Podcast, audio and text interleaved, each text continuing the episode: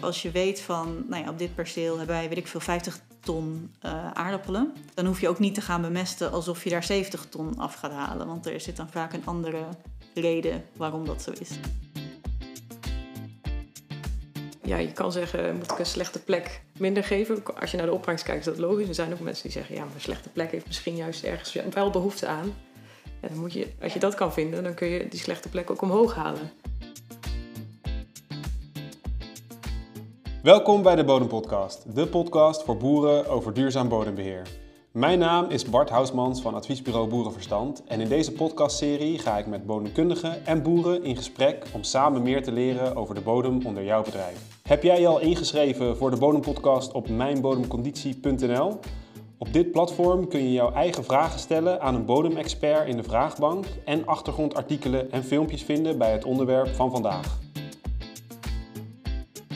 In de afleveringen tot nu toe hebben we de zes bodemelementen van Nick van Ekeren behandeld, die samen bodemkwaliteit maken. Vandaag hebben we het over een ander aspect dat zowel belangrijk is voor gewasgroei als bodemkwaliteit, namelijk bemesting. Nou, zoals gewoonlijk uh, doe ik dat niet alleen, uh, maar vandaag met uh, Corine de Winter, waar we te gast zijn, en Marianne Hoogmoed van het Louis Bolk Instituut. Marianne, zou jij jezelf kunnen introduceren? Ja, ik ben dus onderzoeker bij het Louis Bolk Instituut op het gebied van duurzame landbouw en dan vooral de, de rol van de bodem daarin. En hoe kunnen we de bodem gezond houden en uh, duurzaam beheren om gewassen te kunnen telen. En heb je nog een, een specialisatie uh, richting akkerbouw of veehouderij? Of? Ja, ik werk vooral in de akkerbouw. Mijn achtergrond ligt ook vooral op het gebied van, uh, van organische stof, organische stofbeheer en, en bodemleven ja, twee belangrijke aspecten die eigenlijk heel veel uh, aspecten van de, van de bodem sturen. Nou, en zoals gezegd, we zijn dus de gast bij uh, Corine vandaag. Uh, Corine, zou jij iets over jezelf kunnen zeggen en ook kunnen vertellen over op wat voor bedrijf we hier vandaag zijn? Um, ja, Corine Winter. We zitten hier op het akkerbouwbedrijf van mijn ouders, waar ik dus ook werkzaam ben. Daarnaast werk ik nog buiten de deur voor offshore wind, dus een hele andere tak. Oké, okay, ja. maar goed, akkerbouwbedrijf dus. het doel is dat ik dat over ga nemen en als ik die hoedanigheid ben ik me dus al een hele tijd aan het verdiepen in, uh, in ons uh, bedrijf. Heb je ook een agrarische opleiding of moet je echt alles nu zelf uh, in de praktijk leren? Ik leer alles van mijn ouders en een beetje omheen kijken. Want mijn achtergrond is Delft, die Delft, dus dat is wel echt even iets anders. Ons bedrijf is 57 hectare, waarvan een kwart pootgoed, een kwart bieten en uien. En daarnaast ja, granen en graszaad en een klein stukje witlof. Vrij rustig bouwplan Um, nou, uh, we zijn hier dus om het te hebben over het onderwerp bemesting. Uh, vrij breed onderwerp. Als eerste vraag aan jou, uh, Marianne. Als je kijkt naar bemesting, wat is eigenlijk de, de rol van bemesting vanuit bodemkwaliteit? Of wat is de functie van bemesting? Ja, je bemest natuurlijk omdat je gewassen aan het telen bent. En als je oogst, dan haal je eigenlijk nutriënten weg van je, van je land, van, uit je grond, zeg maar. Die gaan met het grootste product gaan weg. Dus die moet je ook weer aanvullen en daarom, uh, daarom ga je bemesten. Dus het is op peil houden van de nutriënten in je bodem, ja. Uh, en uh, Corine, als je kijkt naar bemesting, bemestingsplan, wat is daarin jullie werkwijze en hoe pakken jullie dat, dat aan? Ja, we hebben pootgoed. Dus in ons geval kijk je wat mogen wij toedienen en dan is eigenlijk fosfaat heel vaak beperkend. dus we hebben heel veel aandacht voor fosfaat bij de gewassen waar dat belangrijk is, echt aan de bron leggen. Dus uh, in de aardappels betekent dat dat wij met poten al APP toedienen. En bij de uien doen we hetzelfde met uh, Fysiostart. Qua stikstof zitten wij dus niet heel krap. Ja, en andere, andere bronnen van bemesting die jullie uh, toepassen? Dus ook bijvoorbeeld voor andere gewassen? Of, Wij zitten um, in de tarwe en in het graszaad. in de tarwe eigenlijk in het voorjaar gebruiken we varkensdrijfmest. En verder gebruiken we vrij veel kunstmest. Wederom wel weer in de uien en de aardappels gebruiken we exacoat, zodat dat wat rustiger vrijkomt. Maar je zijn dus oh, zeker voor die poot, pootgoed zijn jullie zeer precies bezig. Ja. Dan, is, dan gaat het denk ik in, in eerste instantie ook vooral om kunstmest. Um, kun jij ons iets vertellen, Marianne, over het verschil als je kijkt naar de bodem tussen uh, het effect van als je organische mest gebruikt of als je kunstmest gebruikt?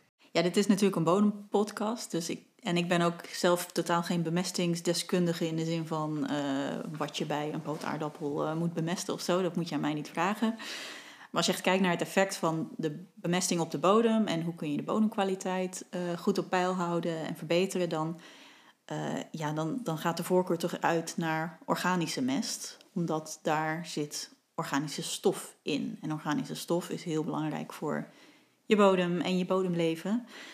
Ja, ik, ik zat vanochtend even na te denken van hoe kan ik dat goed uitleggen. En toen zat ik te denken van, wij eten zelf ook hè, als mensen. Je kunt een bruine boterham met kaas eten.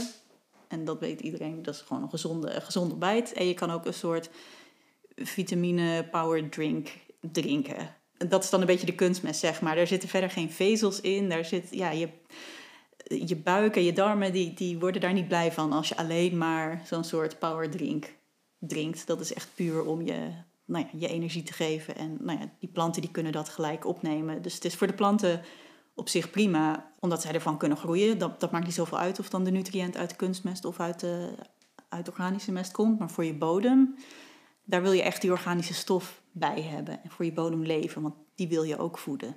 Ja, zo zie ik het verschil een beetje tussen die twee soorten van bemesting. Met organische mest ga je ook echt je bodem verzorgen en, en voeden. Ja, dus ik zei al, die organische stof, dat is het, het voeding voor je bodemleven. Nou ja, het, volgens mij komt dat door deze hele podcast, alle afleveringen, komt dat bodemleven steeds terug. Hoe belangrijk dat is en dat die al die processen in de bodem aanzwengelt, zeg maar. Die zorgen ook voor structuur in de bodem, zowel de organische stof zelf, zeg maar, maar ook de, ja, door het gedrag van het bodemleven, doordat ze dat organische stof opeten. Denk aan een worm, die gaat je organische stof opeten. Die poept dan weer kleine kluitjes uit, zeg maar. Ehm, en daardoor krijg je een goede, een goede bodemstructuur. Dus daar is ook die organische stof uh, voor nodig. Maar het komt dus echt door, door die organische stof dat dat beter is, beter is voor het bodemleven. Is niet dat die nutriënten... Die nutriënten zijn gewoon die nutriënten. Maar omdat het in combinatie met organische stof toegediend wordt... dan ja, wordt dat beter ja. opgenomen en stimuleert dat. Ja, klopt. En het is wel zo dat bijvoorbeeld met kunstmest... dan heb je vaak ja, een NPK meststof of een NP meststof. En dat, ja, dan heb je ook echt alleen die twee nutriënten, zeg maar. Terwijl in organische stof, daar zitten ook allerlei spoorelementen in. En uh, ja, nog andere elementen. Dus die, op die manier krijg je die ook in de bodem, zeg maar. Dus, dus dat is dan ook mooi, uh, mooi meegenomen. En uh, als je naar zoiets als pootgoed kijkt, want dat is dan natuurlijk een wat specifieker gewas. Is het daar dan ook mogelijk om met organische mest te werken? Of is dat wel echt een gewas waarbij je toch wel afhankelijk bent van kunstmest? Ik denk, mijn gevoel zegt dat je als basis best iets organisch kunt, kunt doen. En dan ja, met kunstmest misschien bijsturen, inderdaad. Ja. Um, maar dat, ja, dat durf ik niet te zeggen. Misschien ik is weet dat wel mensen die het wel doen, zeg maar, uh, voor de, voordat je poot uh, mest uitrijden. Wij durven dat niet zo goed vanwege bodemverdichting. Dus dat vinden we eigenlijk zonde van de structuur van de grond. Dat we zeggen, ja, dat gaan we dus niet doen. Dat doen we dan wel in de tarwestoppel of in de tarwe zelf. Ja. Uh, en ja, pootgoed, daar zijn we toch zuiniger op de structuur dat, dat we dat echt durven in het voorjaar. Ja, precies. Dat zijn natuurlijk allemaal afwegingen die je moet maken in je keuze van en is, is er dan ook nog een effect van uh, het verschil tussen uh, organische mest of kunstmest, bijvoorbeeld op structuur? Ja, ja, zoals ik al zei, van die organische stof uit de organische mest, die is goed voor je bodemstructuur. Dan moet ik wel zeggen, uh, er zijn nog andere manieren om organische stof je bodem in te krijgen. De organische mest is niet de enige manier. Je hebt ook je groenbemesters, je hebt ook gewasresten, je hebt compost. Dus ja, als je bij de pootaardappelen geen organische mest gebruikt, betekent niet dat je helemaal nooit organische stof de grond in krijgt. Dus je moet het echt in het hele bouwplan, uh, in het plaatje, moet je het bekijken. Ja, dat, dat komt ook mooi op mijn, op mijn volgende vraag. Uh, dat gaat namelijk over de rol van uh, bodemverbeteraars, zoals bijvoorbeeld compost en stalmest. wat is de, de functie of de rol daarvan binnen bemesting? Ja, dus bodemverbeteraars, dat is zo'n term die uh, gebruiken we eigenlijk voor, wat je al zei, compost of wat, wat stroorijke stalmest. Dat is ook organische stof, daar zitten ook nutriënten in, maar die nutriënten die zitten wat, wat meer vast in die organische stof. Die komen langzamer vrij, dus je gebruikt dat niet echt om direct je gewas dat seizoen te gaan bemesten, maar meer als een lange termijn investering in je bodem om je organische stof en je bodemvoorraad van je nutriënten op peil te houden, zeg maar. Dus daarom, ja, daarom noem je dat bodemverbeteraars in plaats van echt mest. Terwijl andere soorten organische mest, uh, drijfmest of uh, ja, zelfs GFT-compost, daar, komen, daar kunnen de nutriënten wat sneller uit vrijkomen. Dus die kun je dan ook wat meer inzetten als directe bemesting in je, in je teelt, zeg maar. Uh, Corine, hebben jullie ervaring met, met bijvoorbeeld stalmest of compost of andere bodemverbeteraars? Ja, compost hebben we een hele tijd gebruikt na de tarwe, dus in de tarwestoppel zijn we wel van afgestapt, omdat daar heel veel verontreiniging in zat. Mijn moeder heeft op een gegeven moment een maand lang uh, met het hondje wel maar plastic geraapt, dus dat was niet zo goed bevallen. We zijn nu, zitten nu op champost. Het lijkt een stuk schoner en dan heb je alsnog wel uh, ja, dat organische stuk. Ja, champost, dat, uh, Dat is ook een hele mooie eh, organische stofrijk product inderdaad. Het valt wel dan weer onder de mestwetgeving, wat, wat, waar je rekening mee moet houden. Omdat het natuurlijk op basis van paarden, paardenmest is. Die verontreiniging in compost, dat is inderdaad iets wat je heel vaak hoort. Je hebt ook veel keurcompost, zeg maar. De grotere composteerbedrijven, die, ja, die hebben dan keurcompost. Dat is een keurmerk waar dan eigenlijk nog strengere regels aan zitten. Want je hebt volgens de wet mag er zoveel verontreiniging in je compost zitten, maar dan keurcompost gaat er nog een stapje boven van er mag nog minder uh, verontreiniging in zitten. Weet je dat, wat, jullie, wat voor compost jullie dan hadden? Ja, we hebben daar toen ook wel heel bewust naar gekeken. En ook met een emmertje aan de gang geweest van, goh, hoeveel zit er nu precies in? En dan blijkt het toch op plant wel tegen te vallen. Ja, dat is gewoon echt heel jammer. Ja, en dat is, dus ook, dat is gewoon zo. Dat is verder niet, uh, ja... Ja, ik denk dat ze bij de composteerbedrijven daar steeds ook heel erg hard aan werken. Van hoe kun je dat er nou uitfilteren? En uh, ja, je, je zou het liefst gewoon hebben dat burgers die ja, ik, ja, goed. Ik heb ook op plekken gewoond en dan zie je in de, in de algemene compost uh, of de GFT afvalbak, daar zitten de raarste dingen in. Bron kan ook nog wel eens uitmaken, inderdaad, wat je zegt. De GFT-compost is een beetje twijfelachtig. We hebben ook wel eens compost gehad, uh, meer uit de boomkwekerij. Oh, ja, die tak van sporten was veel houtiger. Mm Er zat meer zand in, maar minder plastic. Dus in dat opzicht was het wel... Uh... Ja, precies. En geloof bermmaaisel of zo. Dus ja, als je dan een heel vervuilde ber berm hebt waar iedereen een blikje cola in gooit, ja, dan, ja. dan komt dat ook in je compost terecht. Ja. Dus, uh... Nou, als we het over uh, bemesting hebben, uh, dan gaat het ook over, natuurlijk gaat het eigenlijk over de aanvoer van nutriënten. Um, maar hoe kun je er nou, als je vanuit de bodem kijkt, voor zorgen dat die nutriënten die je dan aanvoert, dat je die ook zo goed mogelijk benut? Ja, je, doet dus, je, je, voert nutriënten aan en die moeten dan inderdaad een tijdje in de bodem blijven en ze moeten beschikbaar zijn zodat de plant ze kan gaan opnemen. Als je aan het begin van je teelt, als, of ja, net voor je gaat zaaien bijvoorbeeld, alle nutriënten in één keer uh, gaat geven, als ze ook nog eens allemaal gelijk beschikbaar zijn zeg maar, voor de plant, dus in minerale vorm, dan zijn ze heel gevoelig voor, voor uitspoelen, voor verlies. En op dat moment heeft de plant ze ook nog niet nodig. Die is gewoon te klein om dat allemaal in één keer zo op te gaan, uh, gaan nemen. Dus een manier om ervoor te zorgen dat die plant het beter kan benutten, of de bodem het beter kan benutten, is om uh, ten eerste gespreid te bemesten, als dat kan. Dus dat je op twee of drie momenten de, tijdens je teelt uh, de bemesting toedient. Je moet ook goed kijken naar het naleverend vermogen van je bodem.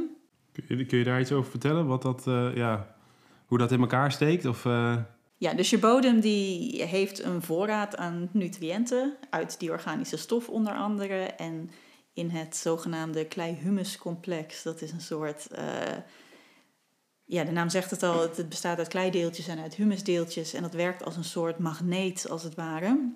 Die hebben een negatieve lading. En je hebt een heleboel nutriënten die hebben een, een positieve lading. Zeg maar als je ammonium bijvoorbeeld, de chemische notatie daarvan is NH4+. Dus dat plusje geeft dan de, de chemische lading aan, als het ware. Dat klei-humuscomplex, wat, waar je bodem uit bestaat, dat, dat heeft een negatieve lading. Dus die ammonium, die NH4+, die, die wordt als een soort magneetje wordt die aangetrokken. Terwijl bijvoorbeeld nitraat, dat is NO3 min, ja, die heeft ook een negatieve lading. Dus die wordt niet aangetrokken door dat uh, klei-humuscomplex. Dus dat, daarom is nitraat gevoelig voor uitspoel, zeg maar. Uh, maar goed, aan dat klei-humuscomplex dus, daar zitten allerlei nutriënten, ja, gebonden als een soort magneetje, zei ik al. Maar die kunnen dus ook gedurende de teelt vrijkomen, daarvan losgemaakt worden. Dat, dat doet de plant ook echt actief. Die, die uh, scheidt dan een soort zuren uit, uh, uit zijn wortels, waardoor hij een soort uh, uitwisseling krijgt van die nutriënten aan dat klei-humuscomplex. Zijn dat die wortelexudaten? Onder andere. Dus die plant die kan zelf ook die nutriënten van dat klei-humuscomplex af, afhalen, als het ware. Dus je bodem heeft ook gewoon een vermogen en, en de, er zit organische stof in je bodem, wat gedurende het seizoen ook nog verder afbreekt en mineraliseert, heet dat dan. Hè, dat die nutriëntenplant beschikbaar komen, zeg maar. Ja, daar moet je rekening mee houden als je denkt van... oké, ik ga 100 kilo uh, stikstof bemesten, want zoveel heeft mijn gewas nodig.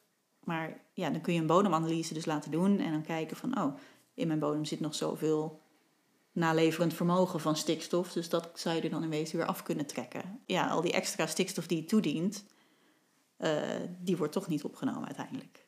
Want je moet ook proberen te mesten naar de behoeften van het gewas. Als je weet van, nou ja, op dit perceel hebben wij altijd maar, of nou ja, maar hebben wij, weet ik veel, 50 ton uh, aardappelen. Dan hoef je ook niet te gaan bemesten alsof je daar 70 ton af gaat halen. Want er zit dan vaak een andere reden waarom dat zo is. Ja, jullie zullen vast ook wel, want je, met pootgoed gaat het natuurlijk om eigenlijk heel precies doseren. Ja. Daar ervaring mee hebben. Zijn dat soort dingen die Ma- Marianne dan nu zegt over eh, stikstofleverend vermogen of nalevering? eh, zijn dat dan ook dingen waar jullie actief eh, eh, ja, dat in de gaten houden en daar, daar rekening mee houden? Of nog niet? Ja, ja en nee. Ehm, ik denk dat we op basis van de ervaring van mijn vader eigenlijk een bepaalde hoeveelheid stikstof bij de pootgoed leggen. Dat is heel weinig, maar 50 kilo stikstofzuiver.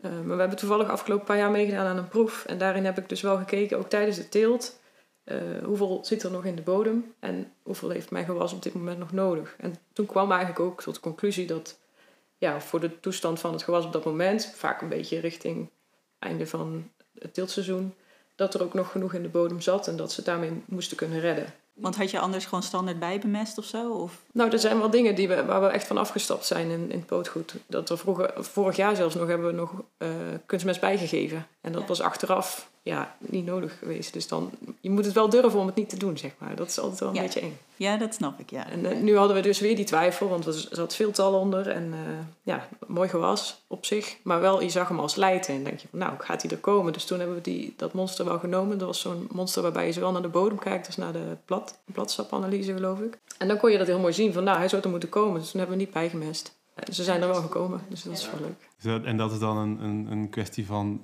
scherp zijn, goed in, de, in, eh, goed in de gaten houden, de juiste analyse op het juiste moment doen. En dus ook een beetje, nou ja, ergens misschien vertrouwen opbouwen dat het, dat het dan ook goed gaat komen.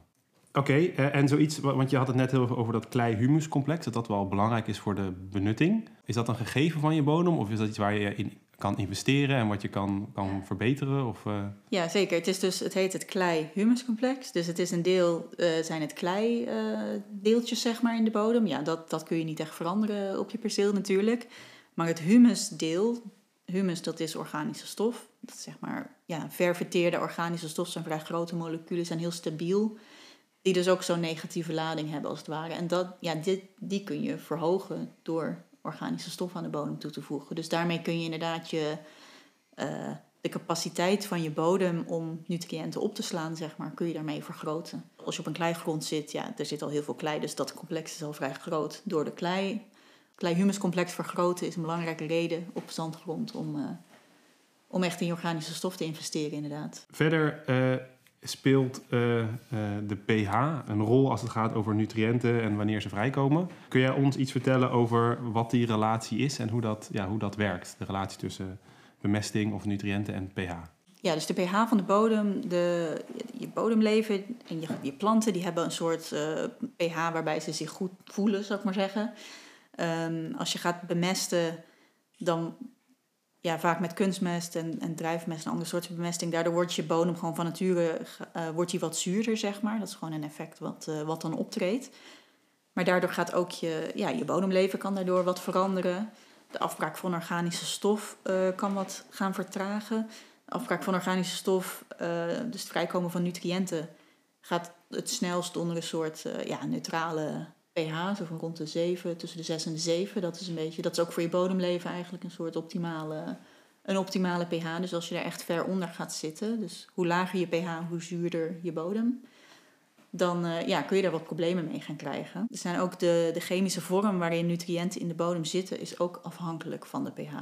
Dus bijvoorbeeld eh, fosfaat. Bij een laag pH gaat fosfaat een complex vormen met ijzer of aluminiumoxide. En daardoor is die dan niet meer plantbeschikbaar.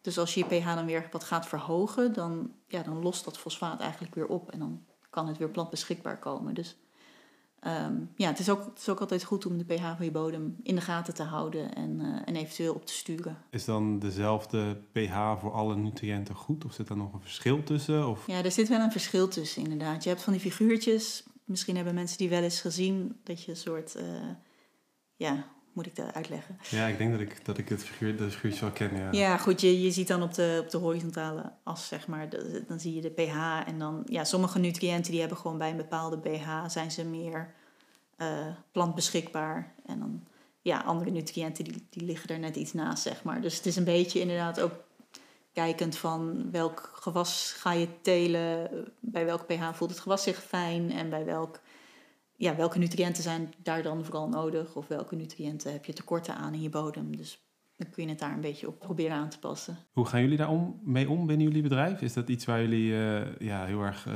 dit gewas op dat perceel of deze bemesting voor dat gewas op dat perceel vanwege de pH? Of is dat iets wat meer, nou ja, wat misschien overal hetzelfde is hier of wat niet zo verschilt? Ja, het is sowieso een heel traag ding, pH. Ja. Dus het is niet, niet iets wat je op één teelt denk ik aan kan passen. Wat, wat je wel ziet, is uh, je moet de reststroom van de bietenfabriek moet je afnemen officieel. Schuimaarden. Dat uh, heeft heel veel invloed op je pH.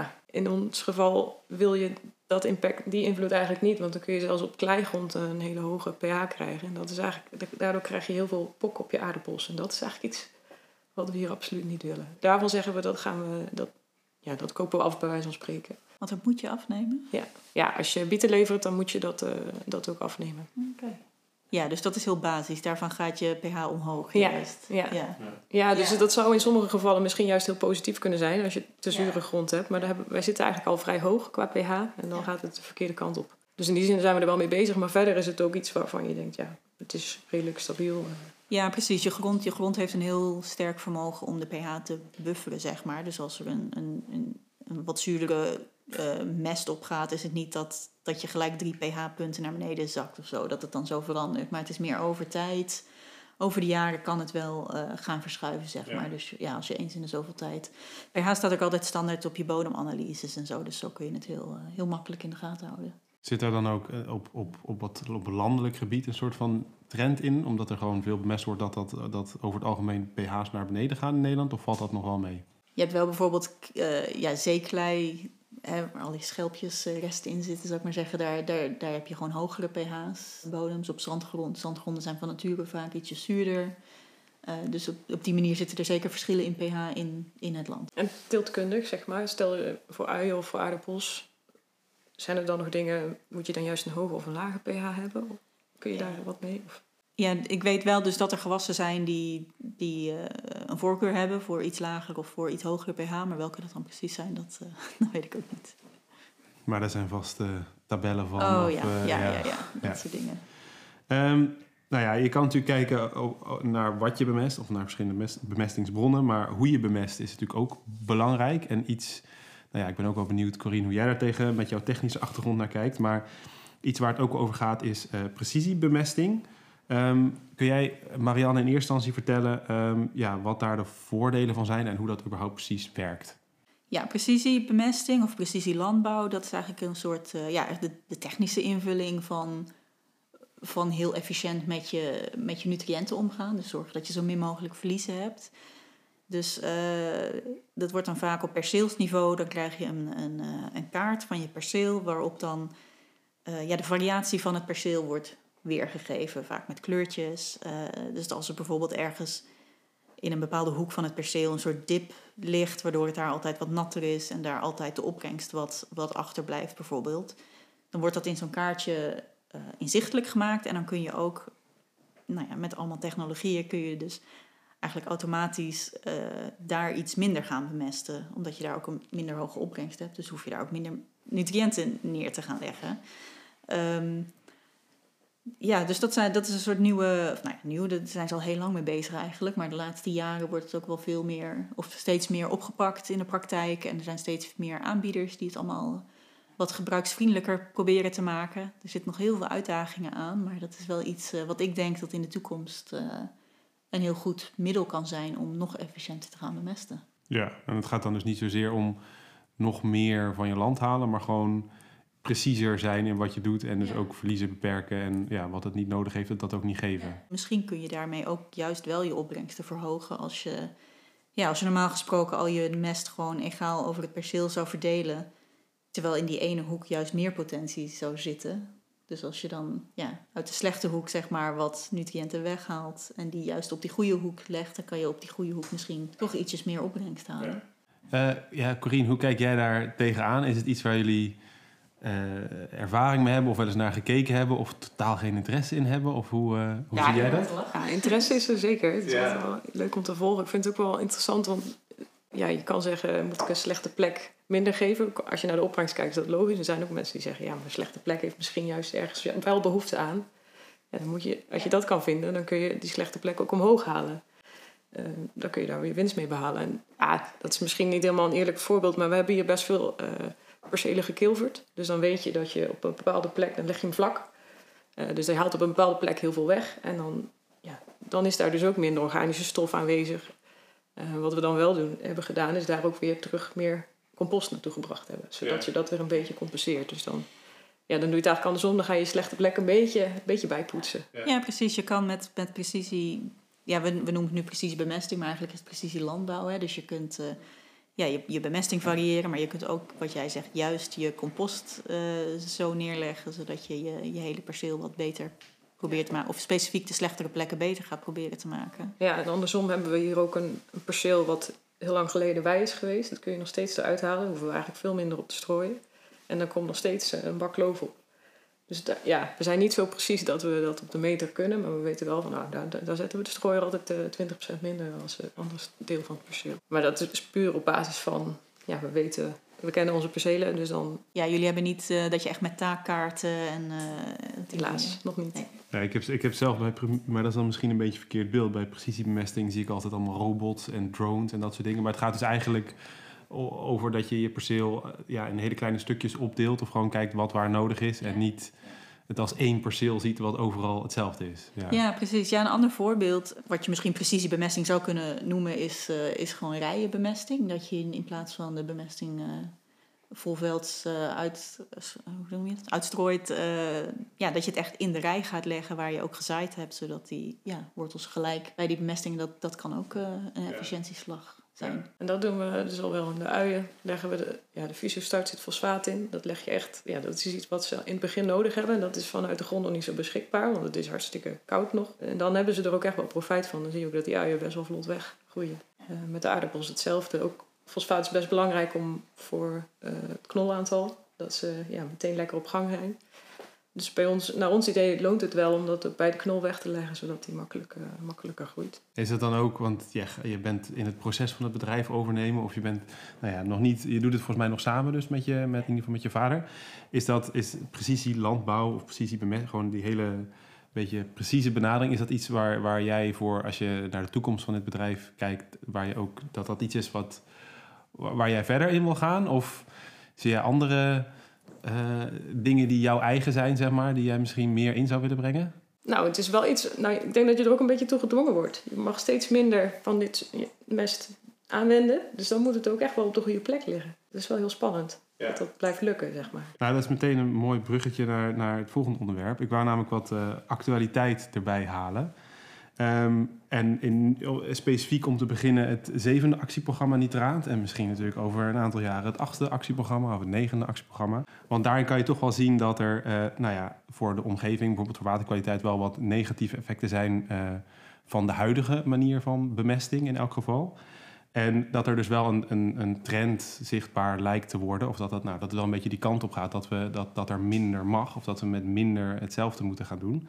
Hoe kun je daar dan op voorbereiden? Dus als je weet dat je bijvoorbeeld uh, ja, dat je steeds minder mag gaan bemesten per perceel, hoe, kom je dan, hoe zorg je dan toch nog voor een goede opbrengst? Ja, nou ja, die precisiebemesting en dan niet alleen dat technologische waar we het net over gehad hebben, maar ook gewoon echt ervoor zorgen dat je nou ja, gespreid bemest de, de nalevering van je bodem, daar rekening mee houden, zeg maar, dat, dat aftrekken van je bemestingsschrift ook nutriënten uit gewasresten, uit gewasresten van groenbemesters. Die, daar zit ook echt nog best wel eh, heel veel stikstof in. Daar, dat is ook een van de redenen waarom je een groenbemester of een vanggewas teelt. Hè, om die nutriënten te vangen en uh, ze weer te benutten in het, in het volgende jaar. Dus ik denk dat uh, ja, in de toekomst moet er gewoon nog veel preciezer met allemaal dat soort maatregelen. Het is ook nooit één maatregel. Het zijn al die kleine dingetjes bij elkaar opgeteld ja, waardoor je steeds efficiënter moet gaan bemesten. Om toch diezelfde opbrengsten te halen. En proberen lange termijn te investeren in je bodem. Dus door je compost en door die organische stof. Zodat je echt zo'n buffer hebt van nutriënten die langzaam vrijkomen gedurende de teelt. Het gaat nog belangrijker zijn. Hoe kijk jij daar aan, tegenaan, uh, Corine? Is dat, zie jij dat ook zo? Is dat ook een manier waarop jullie daarop voorsorteren? Of hoe jullie daar naar kijken?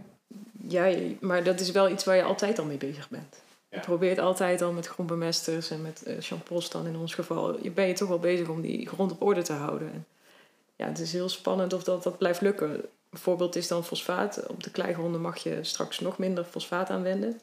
Terwijl met de normen die we hadden zagen we de cijfers al zakken. omdat ze nu op basis van de fosfaat die in de grond is, maar niet beschikbaar voor de plant, gaan, gaan berekenen wat jouw ruimte is, mogen wij veel minder uh, aanwenden. En dat, ja, dan vraag ik me af, van, ja, pootgoed en de uien kunnen we het misschien op de juiste plek leggen, maar blijft dat goed gaan? En kom je daar niet op een gegeven moment mee in de knoop?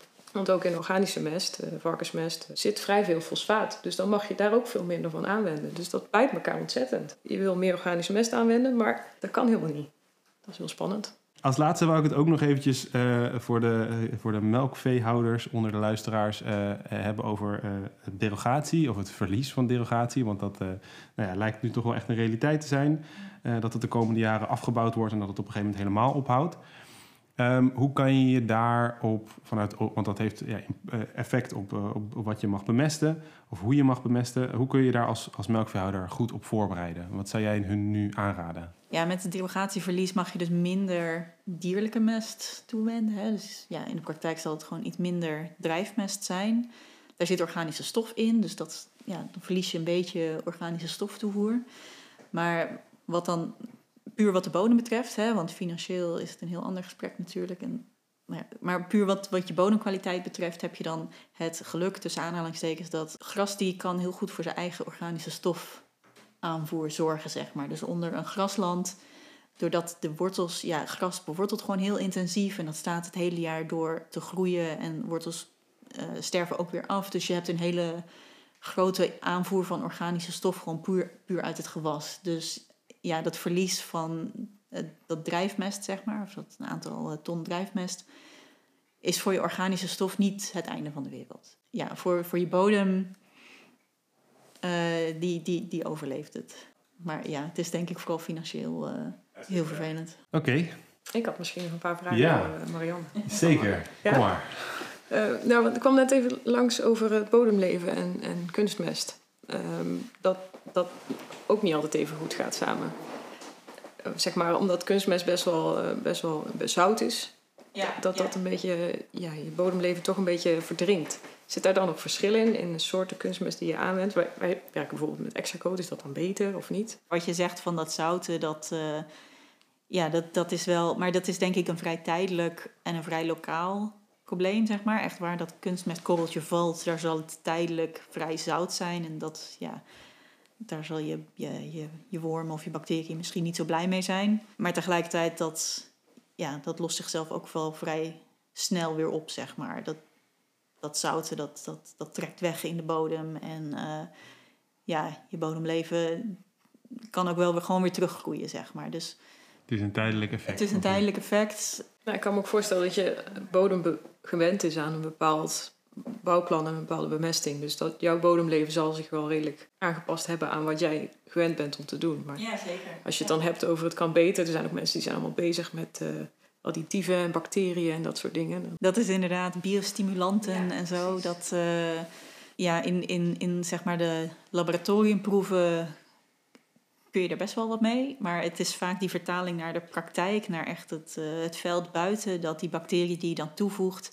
Ja, er zit al zoveel competitie en gewoon bacteriën en, en ander bodemleven in die bodem die zich daar heeft gezetteld, zeg maar.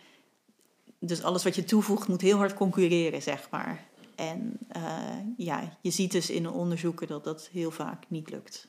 En ik kan me ook voorstellen dat die dingen, zeg maar, dat dat pas echt werkt als het het laatste stapje is. In, dat alles moet kloppen en dat je dan pas effect hebt van zo'n, van zo'n bacterie of van zo'n maatregel. Maar je hoort er de laatste tijd heel veel over, over uh, ja, biostimulanten. En dat ja, het is inderdaad uh, heel erg gepromoot, maar ik, je moet er voorzichtig mee zijn. Nee, hoeft niet, je moet zeker niet alle verkooppraatjes geloven. Dat nee, oké. Nee, oké. Nee, ja, het is dus misschien iets, zeg maar, het moet ook, ook dat moet overleven. Dus ook daar, het is niet van ik voeg iets toe en het is opgelost. Je moet echt zorgen voor de goede randvoorwaarden en dat je kwaliteit op, en dan kan het misschien iets extra's doen, maar ik doe er nu even bij en dan is het goed. Zo, ja, zo makkelijk werkt het waarschijnlijk dus niet. Nee, ik denk inderdaad dat je beter gewoon door organische stof toevoeren en dat soort dingen. Gewoon de bodemleven, wat er wel in je bodem zit, goed moet verwennen. En uh, nou ja, daar een fijn huisje voor bouwen. Dat, dat werkt beter dan, dan uit een flesje bacteriën of zo uh, ja, in, de bodem, in de bodem brengen. En ook een beetje in diezelfde richting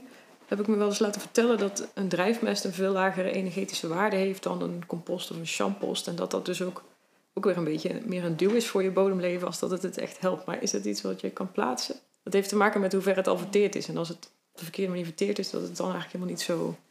Ja, er zit er nog wel eh, stikstof en zo in, maar dat is het dan ook.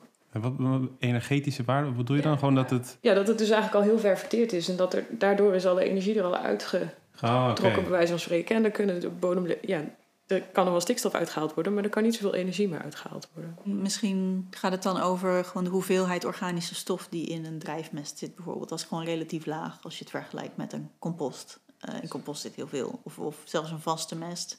Ja, het is niet voor niets hè, vloeistof. Het is gewoon ja, het is veel natter. Er zit minder, minder organische stof, minder vezels, zou ik maar zeggen, zit erin. Dus ja, en die bacteriën hebben ook juist die organische stof, die koolstof nodig eh, als, als energiebron inderdaad. Er zijn ook wel veel uh, moet ik, discussies of meningen eh, in van, van hoe slecht of hoe goed drijfmest is. Ja.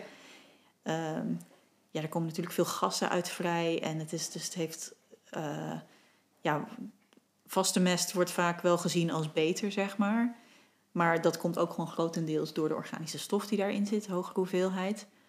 Maar ja, of je bodemleven nou echt helemaal doodgaat door drijfmest, dat geloof ik helemaal niet. Ik geloof dat wormen het ook best, uh, best blij worden van drijfmest, zeg maar. Dus, maar ja, er zijn wel verschillende meningen over. En daarbij maakt misschien ook als je bijvoorbeeld naar gasland kijkt, de manier van hoe je het toedient ook nog wel uit. Als je het injecteert of als je het boven, boven uitrijdt, dat uh, heeft natuurlijk ook nog effect. Ja, op hoe dicht het uh, bij je bodemleven direct ja. geconstateerd erbij komt. Ja, uh, dat soort dingen. Oké, okay. had jij nog andere bemestingsvragen? ik ben er best wel gewoon nu dus dierlijke of organische mest aan het, aan het promoten. Dierlijke mest, compost. Maar er zijn ook gewoon regio's in Nederland waar al die producten helemaal niet erg beschikbaar zijn. In Zeeland, geloof ik, uh, is het heel moeilijk gewoon om aan dierlijke mest of compost te komen. Dus wat we al een paar keer gezegd hebben, van daar kun je misschien ook op andere manieren, bijvoorbeeld met groenbemesters, uh, dan, dan moet je je organische stof toevoeren. Dus echt uh, via je groenbemesters en je gewasresten proberen te regelen. Zijn, zijn jullie daar, daar op dat vlak beperkt of hebben jullie wel genoeg hier in de buurt uh, qua aanvoer? Je kan hier wel aan, uh, aan, mest komen, maar het is ook een stuk praktisch. Je gaat niet altijd in het voorjaar uh, dierlijke mest uitrijden. Dus dan zijn we inderdaad in het najaar met Post en, en groenbemester bezig. Zodat dat er wel al in zit. Maar dan in het voorjaar houden we het bij kunstmest. Gewoon om die structuren, die bodemstructuren op orde te houden. nou, laten we dan heel veel het veld in gaan om hier een van jouw percelen te gaan bekijken. Uh, ja, wat, voor, uh, wat voor perceel is dit? Wat heeft hier uh, gestaan? Er staan nu bieten. Het is eigenlijk op het moment niet echt het mooiste voorbeeld van de klas. Er zit heel veel ziek blad in. Maar waar het om gaat is eigenlijk de voorjaarsbewerking. We hebben hier dit voorjaar, nou, wat voor ons nieuw is dan, dus NKG toegepast en ook in het voorjaar nog mest gereden. Want NKG is er dan wel een soort bewerking gedaan, ja, zeg maar? Ja, ja. Wat, we hebben... heb je dan met een messenvrees. Uh, stond echt een heel mooie grondmest erop. Die hebben we met een messenvrees uh, klein gemaakt. En dan vervolgens met de paragruber erachter en het uh, roodreg hebben we het weer netjes achtergelaten. Ook omdat we dus met de, ja, met de poepton hier overheen hebben gereden. Dachten we, we moeten het weer netjes losmaken. Anders kun je daar ook last van krijgen, van de structuurschade. Ja, laten we even gaan kijken. Maar nou ben ik dus wel benieuwd of dat je bijvoorbeeld die organische stof nog, uh, dat, dat, die resten van die groenbemester, of dat je die bijvoorbeeld nog vindt. Daar is een, een beetje een open plek.